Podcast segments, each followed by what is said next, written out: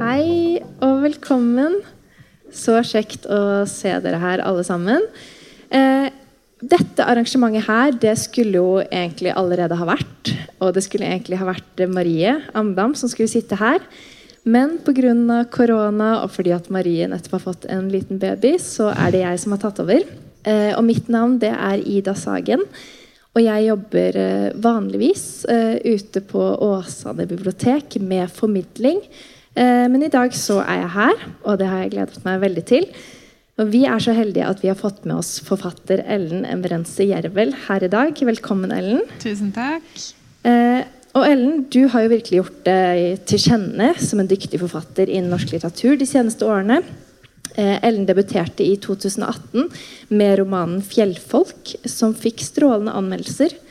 Den ble nominert til Årets bok i Natt og Dag samme år, og året etter ble forfatterskapet trukket frem under bokmessen i Frankfurt av den tyske avisen Die Welt som en av de nye lovende stemmene i norsk litteratur. Eh, I 2020 så kom det ut med en ny roman, 'Bra kunst om menn'. Sånn ser den her ut. Her er 'Fjellfolk', den første. Eh, og den fikk også svært gode omtaler. Og vi skal snakke om begge disse bøkene i kveld. Kanskje mest om den siste. Eh, og Ellen, du er jo egentlig utdannet journalist eh, og, begynte, og, be, og, jobbet som det før du begynte å jobbe med skjønnlitterære romaner. Eh, og du jobbet i den amerikanske Wall Street Journal, der du jobbet i vel fire år. Eh, og det er jo en eh, prestisjejobb som sikkert mange journalister hadde vært veldig glad for å ha. Men du sluttet altså å jobbe der. Du har sikkert fått dette spørsmålet mange ganger. Mm. Men hva var det som gjorde at du sluttet å jobbe der og begynte å skrive skjønnlitteratur istedenfor? Ja, så som du sier, så er det jo litt sånn drømmejobben til veldig mange. Den jobben jeg var så heldig å ha. Men jeg var nok Jeg hadde misforstått dette med Jeg trodde at hvis man var god til noe, så var det på en måte bra for en. Så det som en slags sånn logisk slutning. Mens det jeg egentlig fant ut, var at jeg var ganske flink til å være journalist. Eh, og jeg syntes det var spennende, men jeg ble veldig sliten. Altså Jeg kjente på en måte at eh, det tappet meg mer enn det ga meg. Og at jeg kanskje på et plan likte bedre det der å sitte på kontoret og skrive ting ut og tenke og gruble og sånn. Uh, og fortsatte i mange år for, nettopp fordi at uh, jeg også syntes det var veldig spennende og givende. Uh, men kjente på et tidspunkt at oi, nå er det eneste jeg egentlig drømmer om, er å sitte liksom inne i et rom alene for meg selv. Mm. og kanskje er det noe annet jeg egentlig burde gjøre. Så um, litt sånn på lykke og fromme så sa jeg opp jobben og flytta hjem. Jeg bodde i utlandet. Ville liksom ha rent vann i springen og gå mm. i fjellet og drømte veldig mye om Norge. Og eh, tenkte vel egentlig litt sånn Litt naivt at kanskje jeg skal skrive en roman. Kanskje man kan gjøre det. Det hørtes fint ut. Jeg vokste opp eh, i et hjem med stor respekt for bøker, kan du si. En bokhandlerfamilie hvor det var veldig det var veldig flott liksom, å ha skrevet en bok. Så tenkte jeg ok, jeg kan jo gi det et forsøk og sende inn manus og se hva som skjer. Uh, og hadde veldig flaks. For dette er jo egentlig ikke noe man kan tørre å håpe på. at det kan gå sånn, mm. Men det gjorde faktisk det. Så jeg skrev um, 'Fjellfolk', da, debutromanen min, veldig sånn uten å vite hvordan man skriver en bok. Ja. Jeg gikk turer i området der vi bodde i Oslo, og så for meg liksom en scene.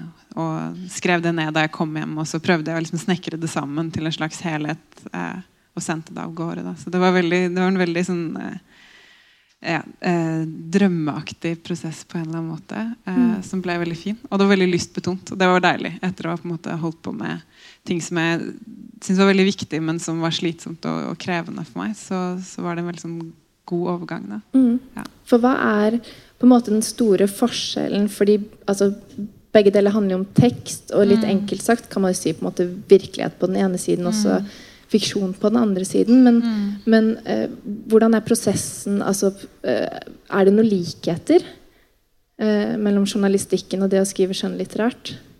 Ja, det er klart. Det er jo på en måte mange likheter. Og jeg tror nok, eh, selv om jeg vil mene at det er veldig stor forskjell på det jeg har skrevet som journalist og det jeg skriver i skjønnlitterær eh, sammenheng, så, så, er det klart at jeg har nok blitt veldig god på sånn eh, å legge merke til detaljer eller se på en måte hva er det som er viktig for en scene for å fortelle en historie. For det var det jeg var trent til å gjøre.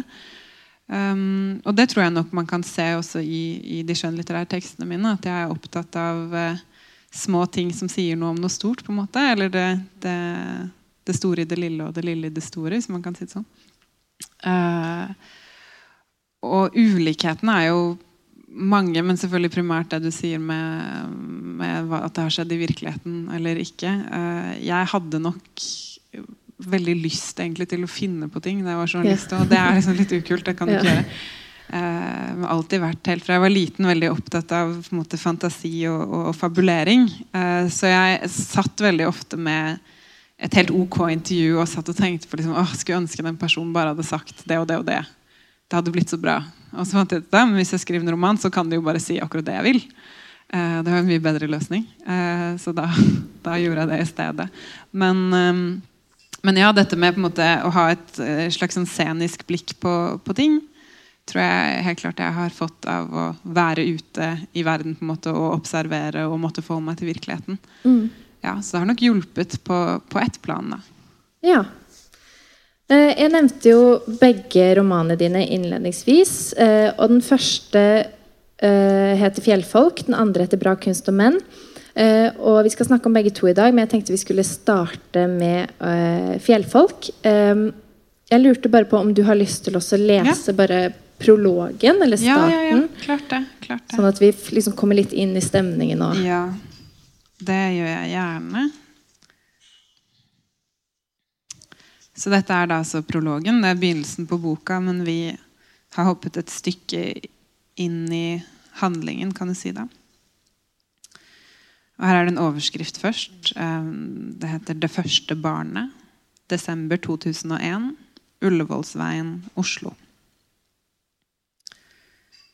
Naboen spilte treg jazz i leiligheten ved siden av, og Katrine dro på seg en ulljakke og tøfler.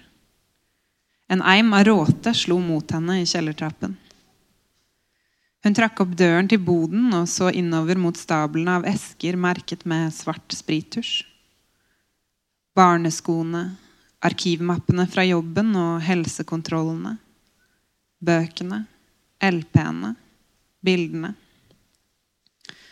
Hun holdt hardt i dørkarmen da hun gikk inn, lot så tyngdekraften ta overhånden og sank sakte ned mot betongen til hun ble sittende med bena utstrakt foran seg. Vannrørene i taket ga fra seg en pipende lyd. Hun kjente stoffet i nattkjolen trekke til seg fukten fra gulvet. Katrine hadde holdt julekalenderen bak ryggen da hun gikk ned. Kanskje for å slippe å forklare seg hvis hun møtte noen i trappen. Kanskje for å unngå å forholde seg til hva hun var i ferd med å gjøre.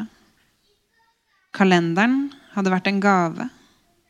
En gave fra henne til barnet. Ikke en eksklusiv gave, akkurat, men en hyggelig gave. Et tegn på omsorg. Sånn som mødre gjør for barna sine, og som hun ikke hadde gjort på flere år. Hun hadde kjøpt den en dag for sent, men likevel. Barna hadde blitt overrasket da hun satte den fram. Overrasket og glad. Det hadde vært et uvanlig øyeblikk. Katrine la kalenderen på gulvet ved siden av seg og lente hodet mot veggen. Barnet hadde åpnet tre luker. De resterende 21 var urørte. Bare små, stiplede linjer i papiroverflaten ga løfte om sjokoladefigurene som skjulte seg bak tallene. Hun ble sittende stille på gulvet og tenke på barnet. På hva hun skulle svare neste morgen når barnet begynte å lete og spørre etter kalenderen. Men det var uansett for sent. Hun åpnet luke nummer fire, puttet den lille brune kaninen i munnen og tygget raskt. Hun orket ikke tenke. Ville ikke tenke, kunne ikke tenke. Hun åpnet luke etter luke. Fylte munnen med billig sjokolade. Lot den seige blandingen av spytt og kakao og melkepulver gli rundt i munnen, nedover halsen. Lot sukkerrusen spre seg i blodet. Lot den utmagrede kroppen synke sammen før hun la seg flatt på ryggen og pustet sakte ut. Da hun åpnet øynene, så hun rett inn i en pappeske. Vidda sto det med blokkbokstaver på siden. Det øverste bildet i esken var større enn de andre og helt blankt, som nytt. Da fingrene hennes strøk over overflaten, klebet den mot huden.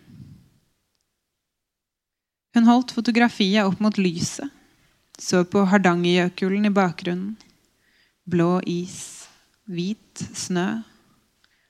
De røde stripene i snøen var jern fra bakken under, pleide Fredrik å si.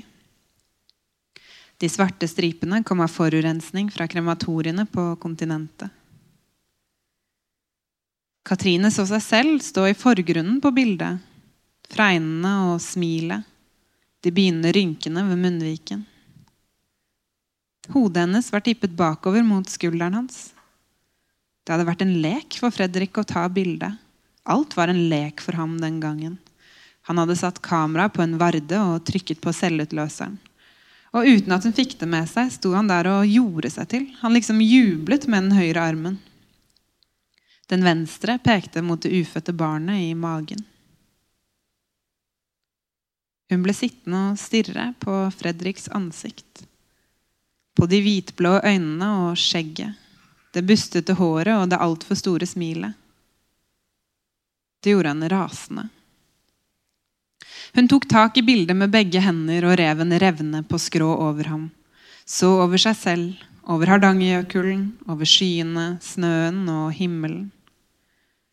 Katrine lente seg over pappesken og trakk opp bilde etter bilde. Rev og rev, kastet de små bitene rundt seg i et stadig raskere tempo. Da hun var kommet halvveis i esken, ga hun opp la seg tilbake på gulvet og trykket julekalenderen sammen. Det knirket i den gjennomsiktige plasten. Så kaninen, sauen, hesten og alle de andre dyrefigurene ble forvrengt som små misfostre. Uh, her får vi jo uh, Her møter vi Katrine. Vi møter mm. også barnet til Katrine, altså Frida. Mm. Eh, og så er det snakk om Fredrik, som det er faren til Frida og, mm. og mannen til Katrine. Eh, og han forsvinner da eh, på vidda. Mm. Vi får aldri vite helt hva som har skjedd, om det er med overlegg eller ikke. Mm. Eh, og dette er jo på en måte historien om en i hvert fall i utgangspunktet tilsynelatende en kjernefamilie, ja. men som på en måte kollapser. Mm. Kan du fortelle litt om disse? Hvem er disse personene? Ja, så, så, noe av det som jeg da gikk rundt og tenkte på da jeg gikk eh, i gatene og, og pusla med denne boka, det var at oi, jeg bor i et sånn veldig pent og hyggelig nabolag. Men jeg vet egentlig veldig lite om hva som foregår eh, bak dørene til folk eh, her. Eh, og jeg tenkte en del på at eh, hva skal jeg si Jeg har noen, noen, venner som sier at det er et privilegium å få lov til å sende skitne unger i barnehagen. Det er ikke alle som kan gjøre det. Eh, for noen får på en måte blikk rettet mot seg, andre får det ikke. Og Jeg var litt nysgjerrig på disse som ikke får blikkene rettet mm. mot seg, og hva foregår der.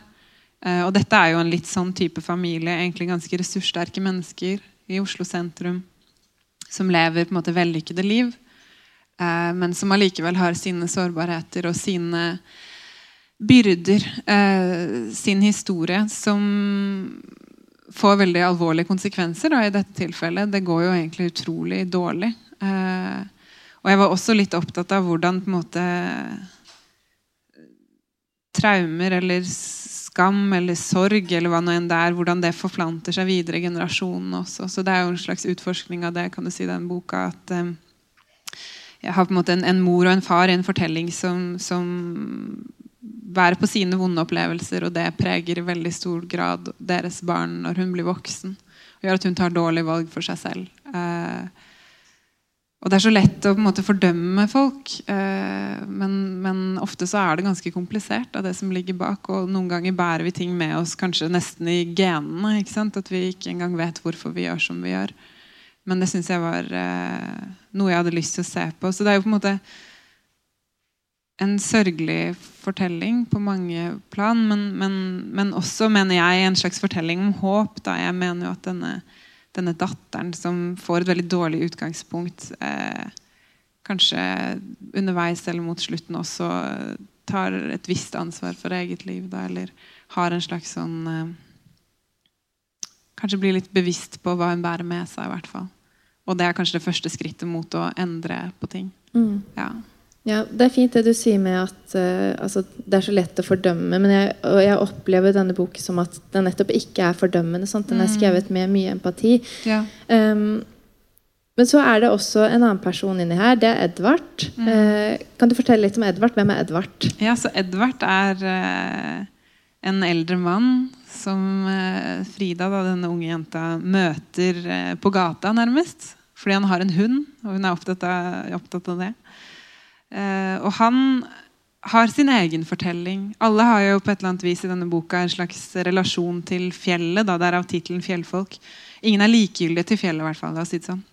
Og han er veldig opptatt av fjellet. Han hadde, eh, han hadde en ungdomskjæreste, kan man si. Eh, eller en flørt, ja. Mm. Eh, som han møtte på Hardangervidda. Og som han skriver brev til hele livet. Eh, så er det vel litt uklart om han noensinne får svar fra henne. Men han har i hvert fall eh, frosset litt fast kan du si, i den han var som veldig ung da han møtte henne. Og er mer enn gjennomsnittlig opptatt av kart og, og fjellutstyr og, og sånne ting. Og har en, en stor plan om at han skal møte henne da, eh, og dra tilbake. Og det har vel egentlig preget tilværelsen hans hele, hele livet. Um, så, så når han da møter eh, Frida, en av hovedpersonene i bo boka, så ja, eh, så krasjer det litt med, med ting hun har opplevd i sin barndom med sin far, som var veldig opptatt av fjellet eh, osv. Så, så det, de møtes på en måte Det er både en, en, eh, en konflikt, en slags spenning i det møtet, og også en, et potensial til nærhet da, eh, og gjenkjennelse. Ja. Ja, Han blir jo som en slags nesten omsorgsperson Mm. for henne. Og hun flytter jo også etter hvert inn til han i en Ja. liten periode. Ja. Ja. Um, romanen den er jo Jeg tenkte vi skulle snakke litt om oppbyggingen på den. For den Ja. er jo eh, litt sånn scenisk eller fragmentert, Mm. ikke kronologisk. Um, og overskriften i hvert kapittel det sier noe om tid og sted og Mm. hvem vi følger. Enten det er det første barnet, det andre barnet eller om Mm. det er Edvard. Mm. Um, samtidig så er jo deres historier også bundet til hverandre, sånn som du snakket om. Mm. Eh, Kan du fortelle litt om måten handlingen er bygget opp på? Hva, hva Ja. var det du tenkte da du skrev det på den måten? Nei, så ja, som du sier, Den er veldig fragmentarisk. Og noen av tilbakemeldingene på boka har vært at den er litt slitsom å lese. For du må bla litt og sånn. Eh, for å huske liksom, hvem var det som gjorde dette nå. For den hopper Mm. ganske mye både i tid og rom og sånn. Mm.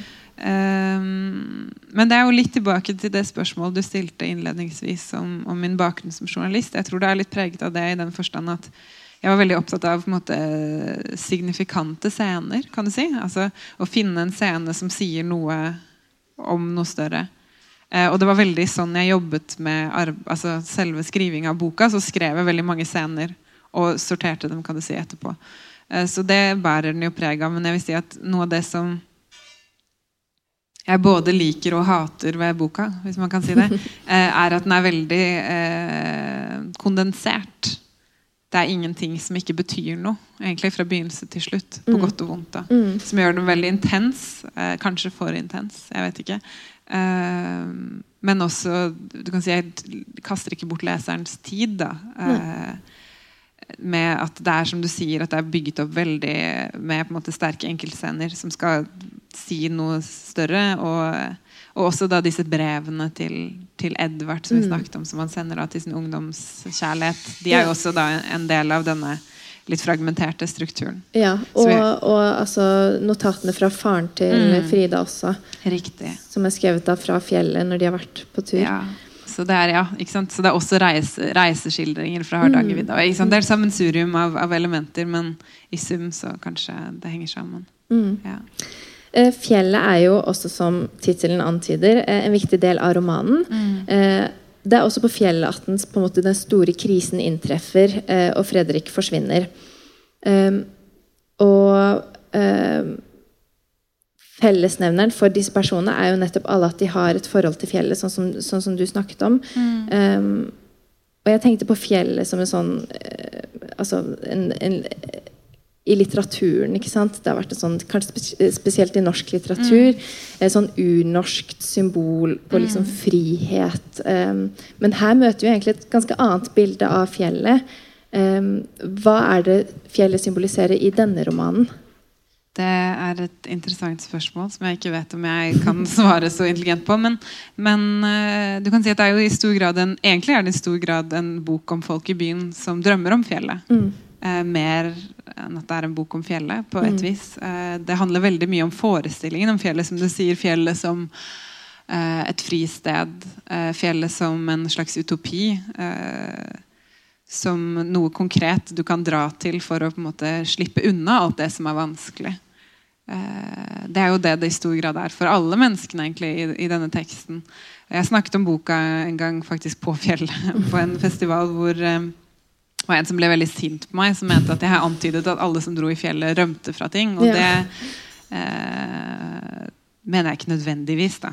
Selv om noen sikkert gjør det også, og kanskje i, spesielt i denne boka. Men, men fjellet i, i fjellfolk er nok først og fremst en, en forestilling. Mm. Eh, eller symboliserer mer en, en utvei, kan du si. Ja. En slags plan B. Hvis dette ikke funker, så kan du alltids dra dit. Og det er også noe sant i det. Altså, det tror jeg alle kjenner som har gått på fjellet. At det, det, blir også litt bedre av å gå på fjellet. på en måte. Du får et annet blikk på ting, og du eh, ja, hva skal jeg si, eh, får et nytt perspektiv, da, både bokstavelig talt og, og metaforisk. Eh, så, så, man kan si at det er en utopi, men det er også en sann utopi til en viss mm. grad. da. Ja, jeg var veldig nysgjerrig på akkurat den følelsen. Jeg tror det også handlet om at jeg bodde i utlandet og, og selv kjente veldig den dragningen mot Norge. Uh, og det er jo vel en kjensgjerning at man typisk uh, bare ser det gode når man har ting på avstand. Mm. Så jeg ble også veldig kritisk til min egen hang til sånn Oi, ja, bare jeg kommer hjem, så blir sikkert alt bra. Eller, ja. eh, og jeg har også vokst opp i en familie der man har snakket sånn om fjellet. Så jeg tror det ble på en måte en blanding av min egen følelse og noe jeg hadde plukket opp. Og noe som kanskje egentlig også er litt norsk, da, som du sier. Som at for, altså, Andre steder i verden så har de sikkert sine andre skal jeg si, utopier eller andre steder de, de vil rømme til når de har det vanskelig. Mens her tror jeg for veldig mange at det er, det er fjellet. Mm. Mm. Og kanskje spesielt også i Bergen, hvor vi er midt mellom syv fjell. Og her er det jo veldig mange som ofte, ja. i hvert fall, om ikke rømmer til fjellet, så stikker opp dit. Um, jeg syns romanen da jeg leste den, den er veldig fin og den er veldig sår, men den er mm. også veldig dyster. Mm. Ja. Uh, var det planen din å skrive sånn? den er jo vond på mange måter. Den, den er utrolig trist. Altså, spesielt, jeg, tenker, jeg, tenker, spesielt på altså, forholdet mellom mor og datter. Ja. Også det i flere generasjoner. Jeg leste mm. det nesten som en sånn som vi snakket om litt i sted også, det at det nesten er i genet. Altså arv, mm. En slags arvesyn som går igjen mm. der. Ja, eh, altså Om det var meningen at den skulle bli trist, svaret er jo nei. Det var underlig også noe av det første vennene mine sa da de begynte å lese boka, var liksom, du er så blid. Hva er greia? Det var helt feil. Um, men jeg tror det bare ble sånn. Altså, jeg opplevde at disse menneskene begynte liksom å leve sine egne liv litt. Og min jobb var mer på en måte å bare skrive det ut. Jeg følte ikke at jeg hadde så mye kontroll over fortellinga. Uh, og det ble en mye mer sånn uh, mørk spiral enn det jeg hadde sett for meg i utgangspunktet. Men jeg måtte på en måte bare følge deres spor. Jeg kunne ikke drive og tukle med det. Det ville ikke bli noe bra. Så Derfor så ble den ganske dyster. Men som jeg sa, så, så, tenker jeg også at det er en bok med ganske mye håp i seg. Hvis man i hvert fall velger å ha med et sånt blikk på den. da. Uh, ja. Så, så, ikke helt planlagt, men, men, jeg tror det er sånn det måtte bli. Jeg tror ikke jeg kunne gjort det noe annerledes. Vi skal bevege oss litt videre, for ja. har, uh, tiden går så fort. Mm. Til uh, denne her, 'Bra kunst om menn'. Um, og ja, Hvis du egentlig bare har lyst til ja. å starte Du har jo mange av de der. Så hvis du ja. starter med å lese Lese litt fra starten her ja, også? Jeg syns jo starten er veldig sånn beskrivende for egentlig, mm. romanen. Så dette er en veldig annerledes bok. Mm. Det er veldig annerledes. Uh, og det var også meninga, på et vis. Uh, men dere får jo høre og se hva dere selv tenker. Dette er altså første kapittel. Det er natt i Tromsø. Det er en av årets mørkeste netter, men det plager ikke Magnus. For han lyser.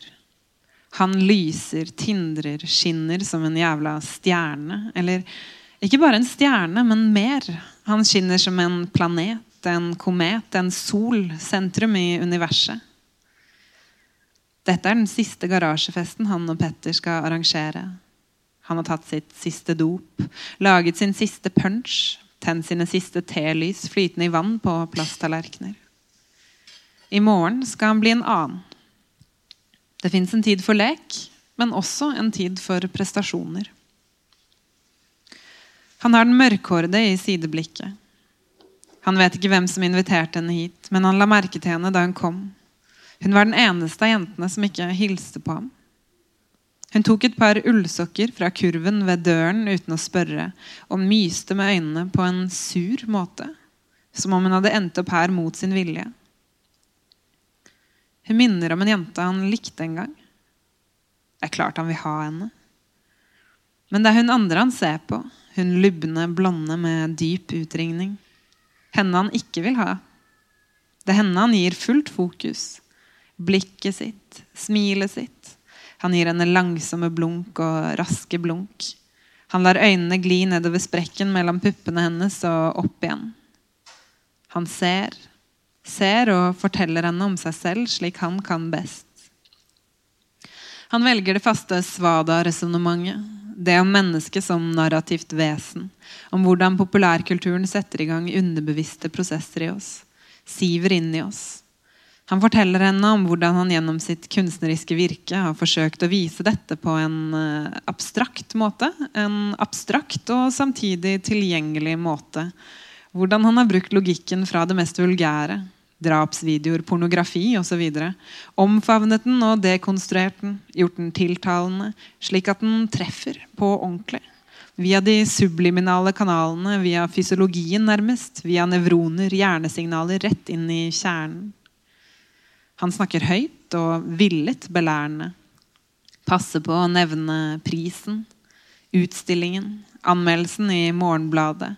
Liksom tilfeldig og innforstått slik at hun skal spørre ham, spørre om hva han sikter til.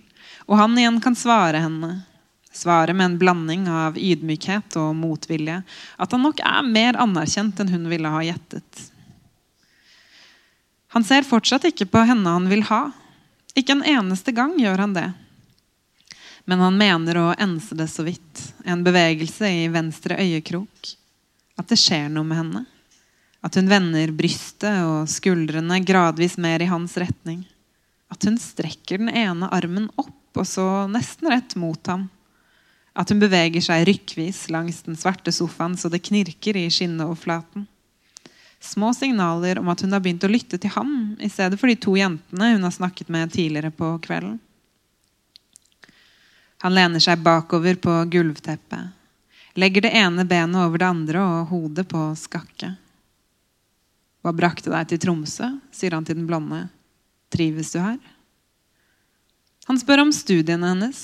Hun skal bli lærer, sier hun. Han er intelligent nok til å svare noe ukontroversielt. Noe om estetiske fag i den norske skolen. Noe om hvor mye en lærer kan bety for et barn. Mye, sykt mye, sier han. Hun nikker, smiler. Han spør om hun bor på hybelhuset til lærerstudentene i Strandveien, og ja da, det gjør hun. Bra der? spør han. Ja, ja, ja. Hun bor med to andre, en fra Hammerfest og en fra Oslo. De er kjempesnille, ryddige og alt, sier hun. Og hun er helt med. Ser nesten gal ut hver gang garasjedørene rives opp og kald luft forsvinner fra stearinlysene til å flakke over ansiktet hennes.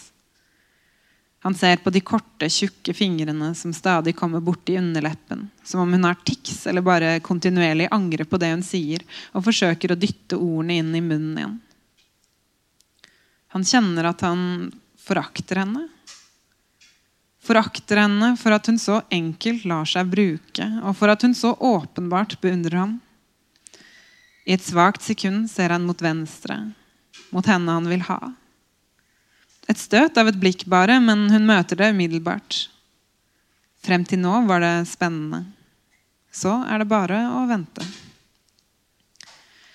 Den mørkhårede bruker ikke lang tid. Fem minutter, kanskje.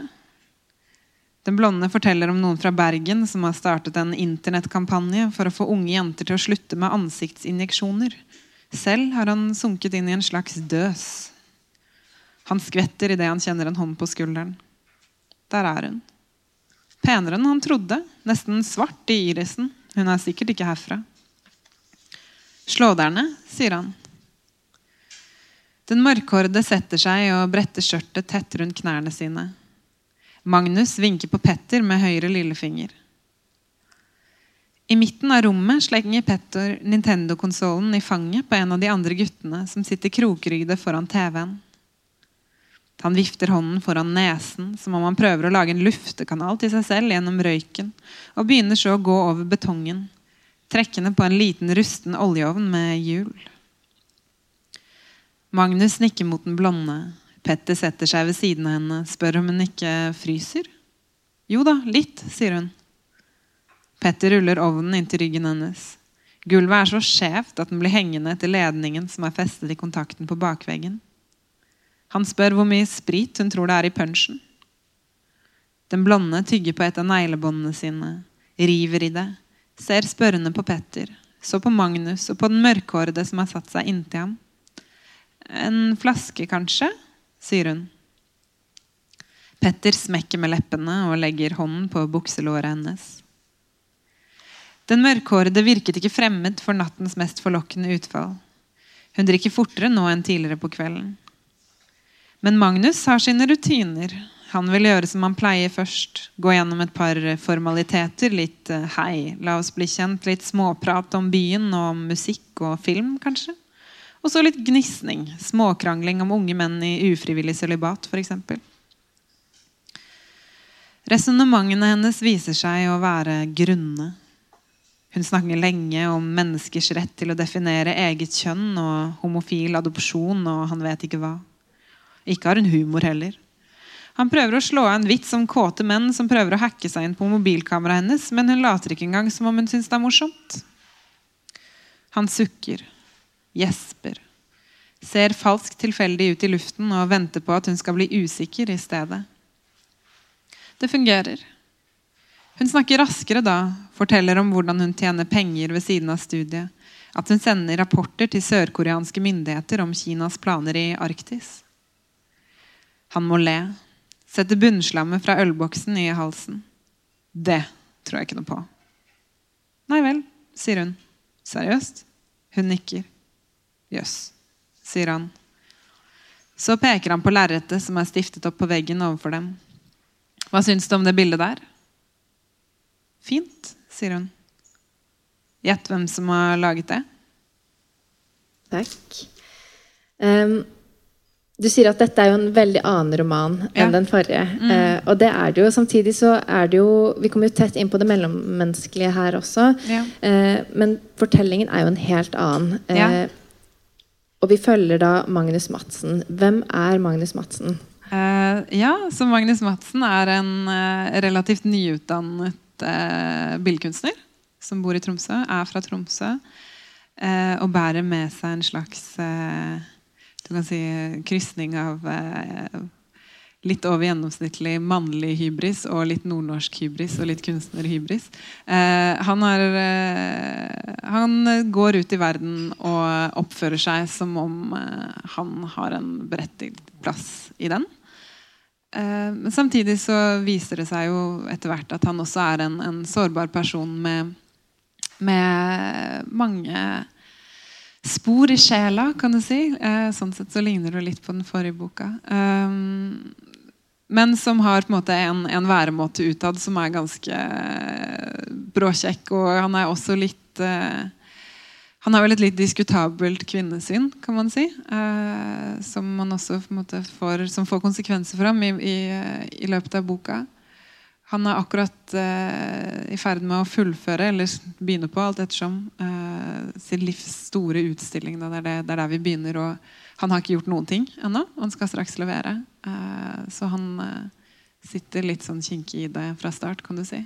Mm. og så strammer det seg liksom gradvis til rundt ham. Da.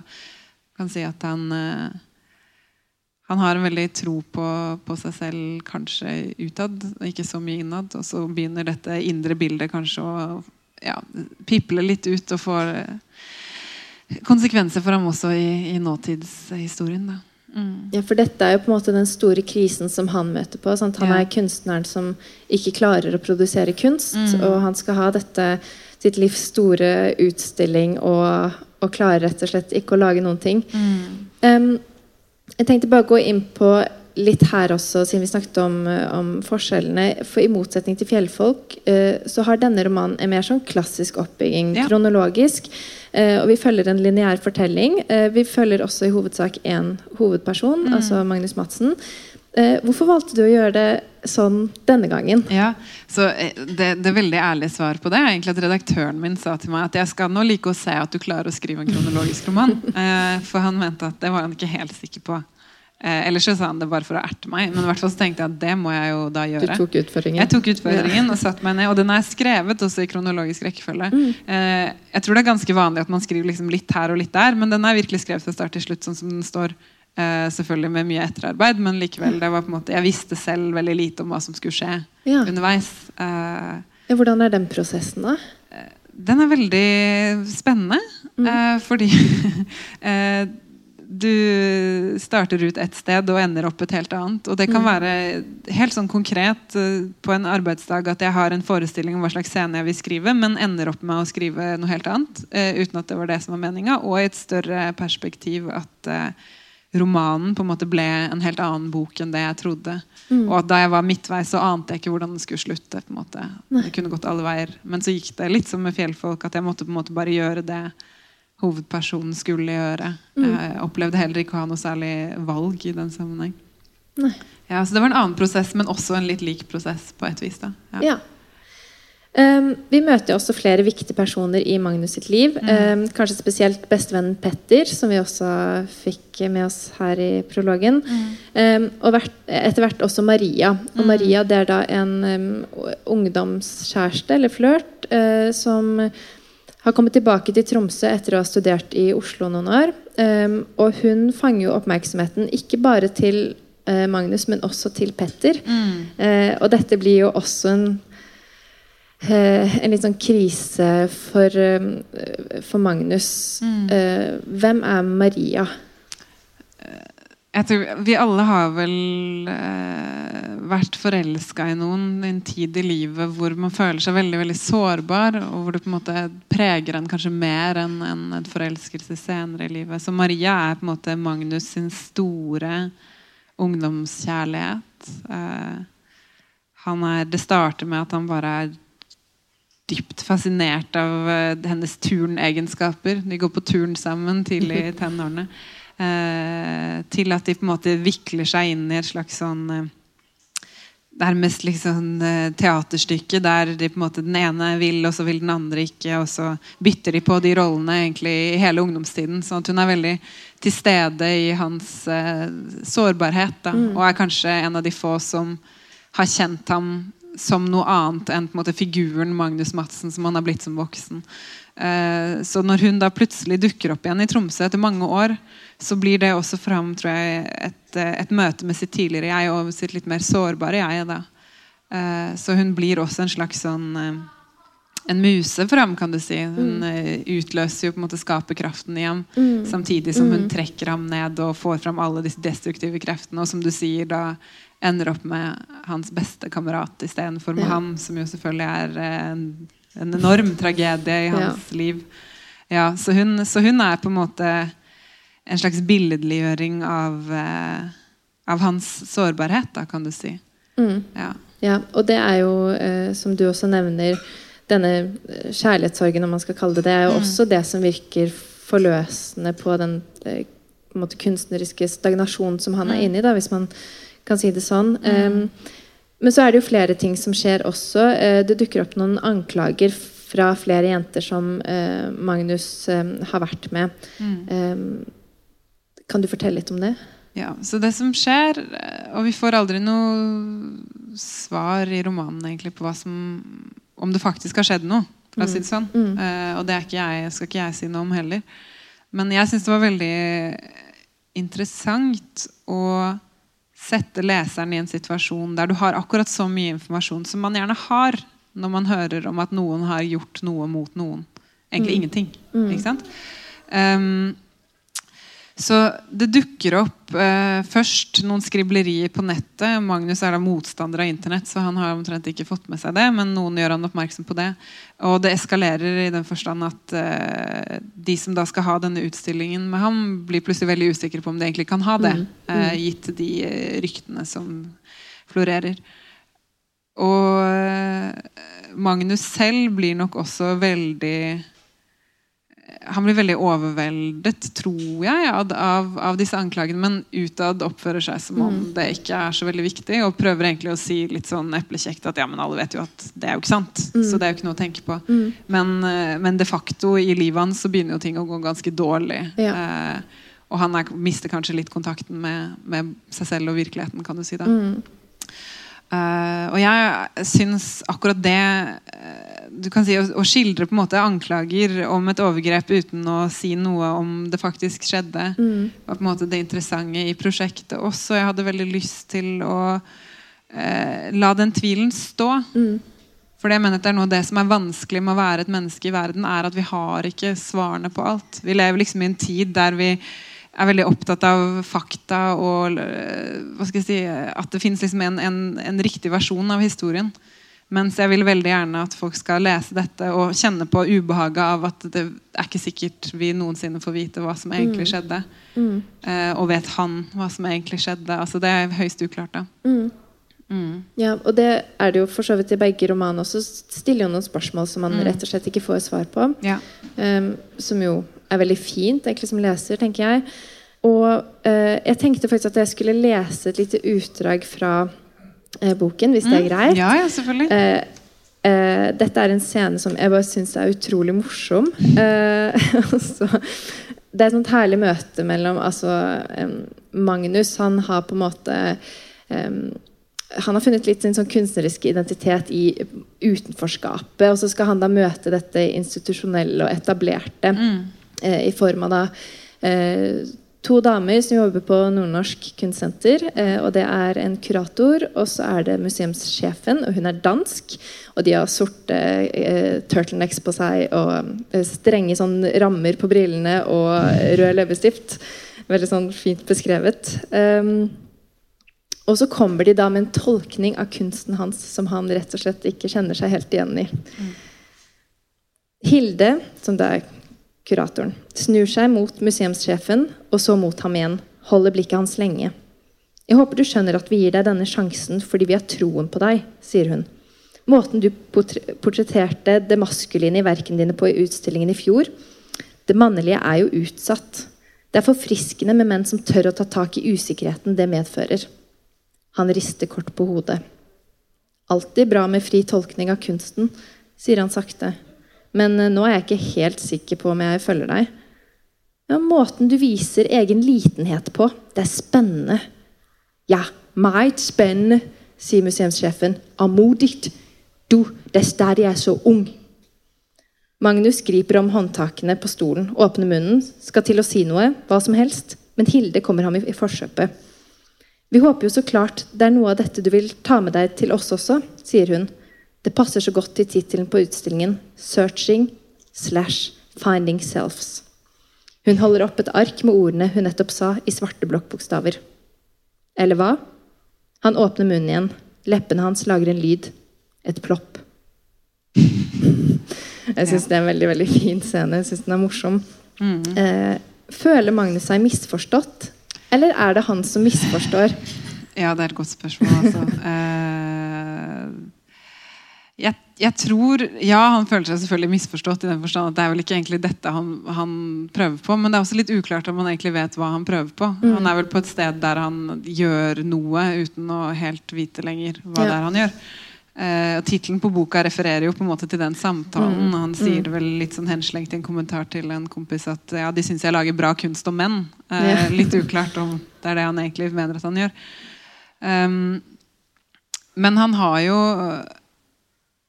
Jeg vil jo si at han egentlig er på en måte ganske skarp. Han velger jo også å utnytte denne mistolkningen til sin fordel. kan du si. Mm. Han ser jo at det er veldig gunstig å bli lest på den måten. Han protesterer jo heller Mm. ikke. Mm. Han ler kanskje litt av det. Eh, men det er jo litt karakteristisk for han som menneske at han alltid vet å på en måte eh, hva skal jeg si, eh, få det beste ut av en situasjon, eller komme best mulig ut av mm. det han møter. Da. Så, så, også her så velger han vel å la misforståelsen stå, i så fall. Mm. Uh, men har et Og det vil jeg også si er litt sånn uh, Fortellerstemmen eller Den er jo skrevet fra Magnus sitt perspektiv, så det er jo mm. med en veldig sånn sarkastisk uh, Et veldig sarkastisk blikk på kunstverden. Mm. Eh, det behøver ikke å bety at kunstverden er sånn, mm. men det er hans måte å se det på. Og det var også litt viktig for meg. Det er noen som har misforstått og tenkt at liksom Og jeg her prøver å gi en slags sann forklaring av ja. hvordan kunstverden er, mens poenget er vel egentlig å vise hvordan én person manøvrerer i den, og kanskje ved å distansere seg på den måten mm. også gjør det mulig å fortsette å være i den. Litt mm. sånn. Mm. Ja. ja. Det er også noen veldig fine scener mellom Petter og Magnus. Altså mm. Petter er jo en veldig sånn Han er jo en god og trygg venn eh, ja. til tross for alt det som skjer med Maria. Mm. Eh, som han kanskje ikke helt får med seg engang, at, at det går så hardt ut for Magnus. Eh, og de eh, jobber da, eller har et cateringfirma sammen. Eh, som jeg også syns var veldig fint. Og i eh, det, de scenene, den fine beskrivelse der hvor de står og lager mat. Mm. Og der kommer det også veldig sånn fine samtaler fram. Um, Hvorfor eh, catering? Hvorfor, hvorfor mat? Ja, ja, ikke sant. Eh, så Jeg var veldig opptatt med guttevennskap, da, som jeg mener er skrevet altfor lite om i, mm. i litteraturen. Eh, og veldig mye, særlig kanskje skrevet av kvinner, er sånn å, gutta sitter og ser på fotball og tar en øl. Og, sånn. og, og jeg er overbevist om at guttevennskap kan være noe helt annet, og ofte mm. er det. Så som du sier, Petter er på en måte en um, slags klippe i Magnus sitt liv. Han er både ganske real og lojal som mm. venn. Mm. Men også har liksom ting på stell, da, egentlig. Eh, mer enn Magnus, selv om han da driver dette cateringfilmet og kanskje ikke liksom har masse utdannelse og sånn. Mm. Eh, og så til spørsmålet ditt om det med mat, så eh, drev jeg og For det første er jeg veldig opptatt av å lage mat selv. Da. Det mm. bærer sikkert mm. boken litt preg av.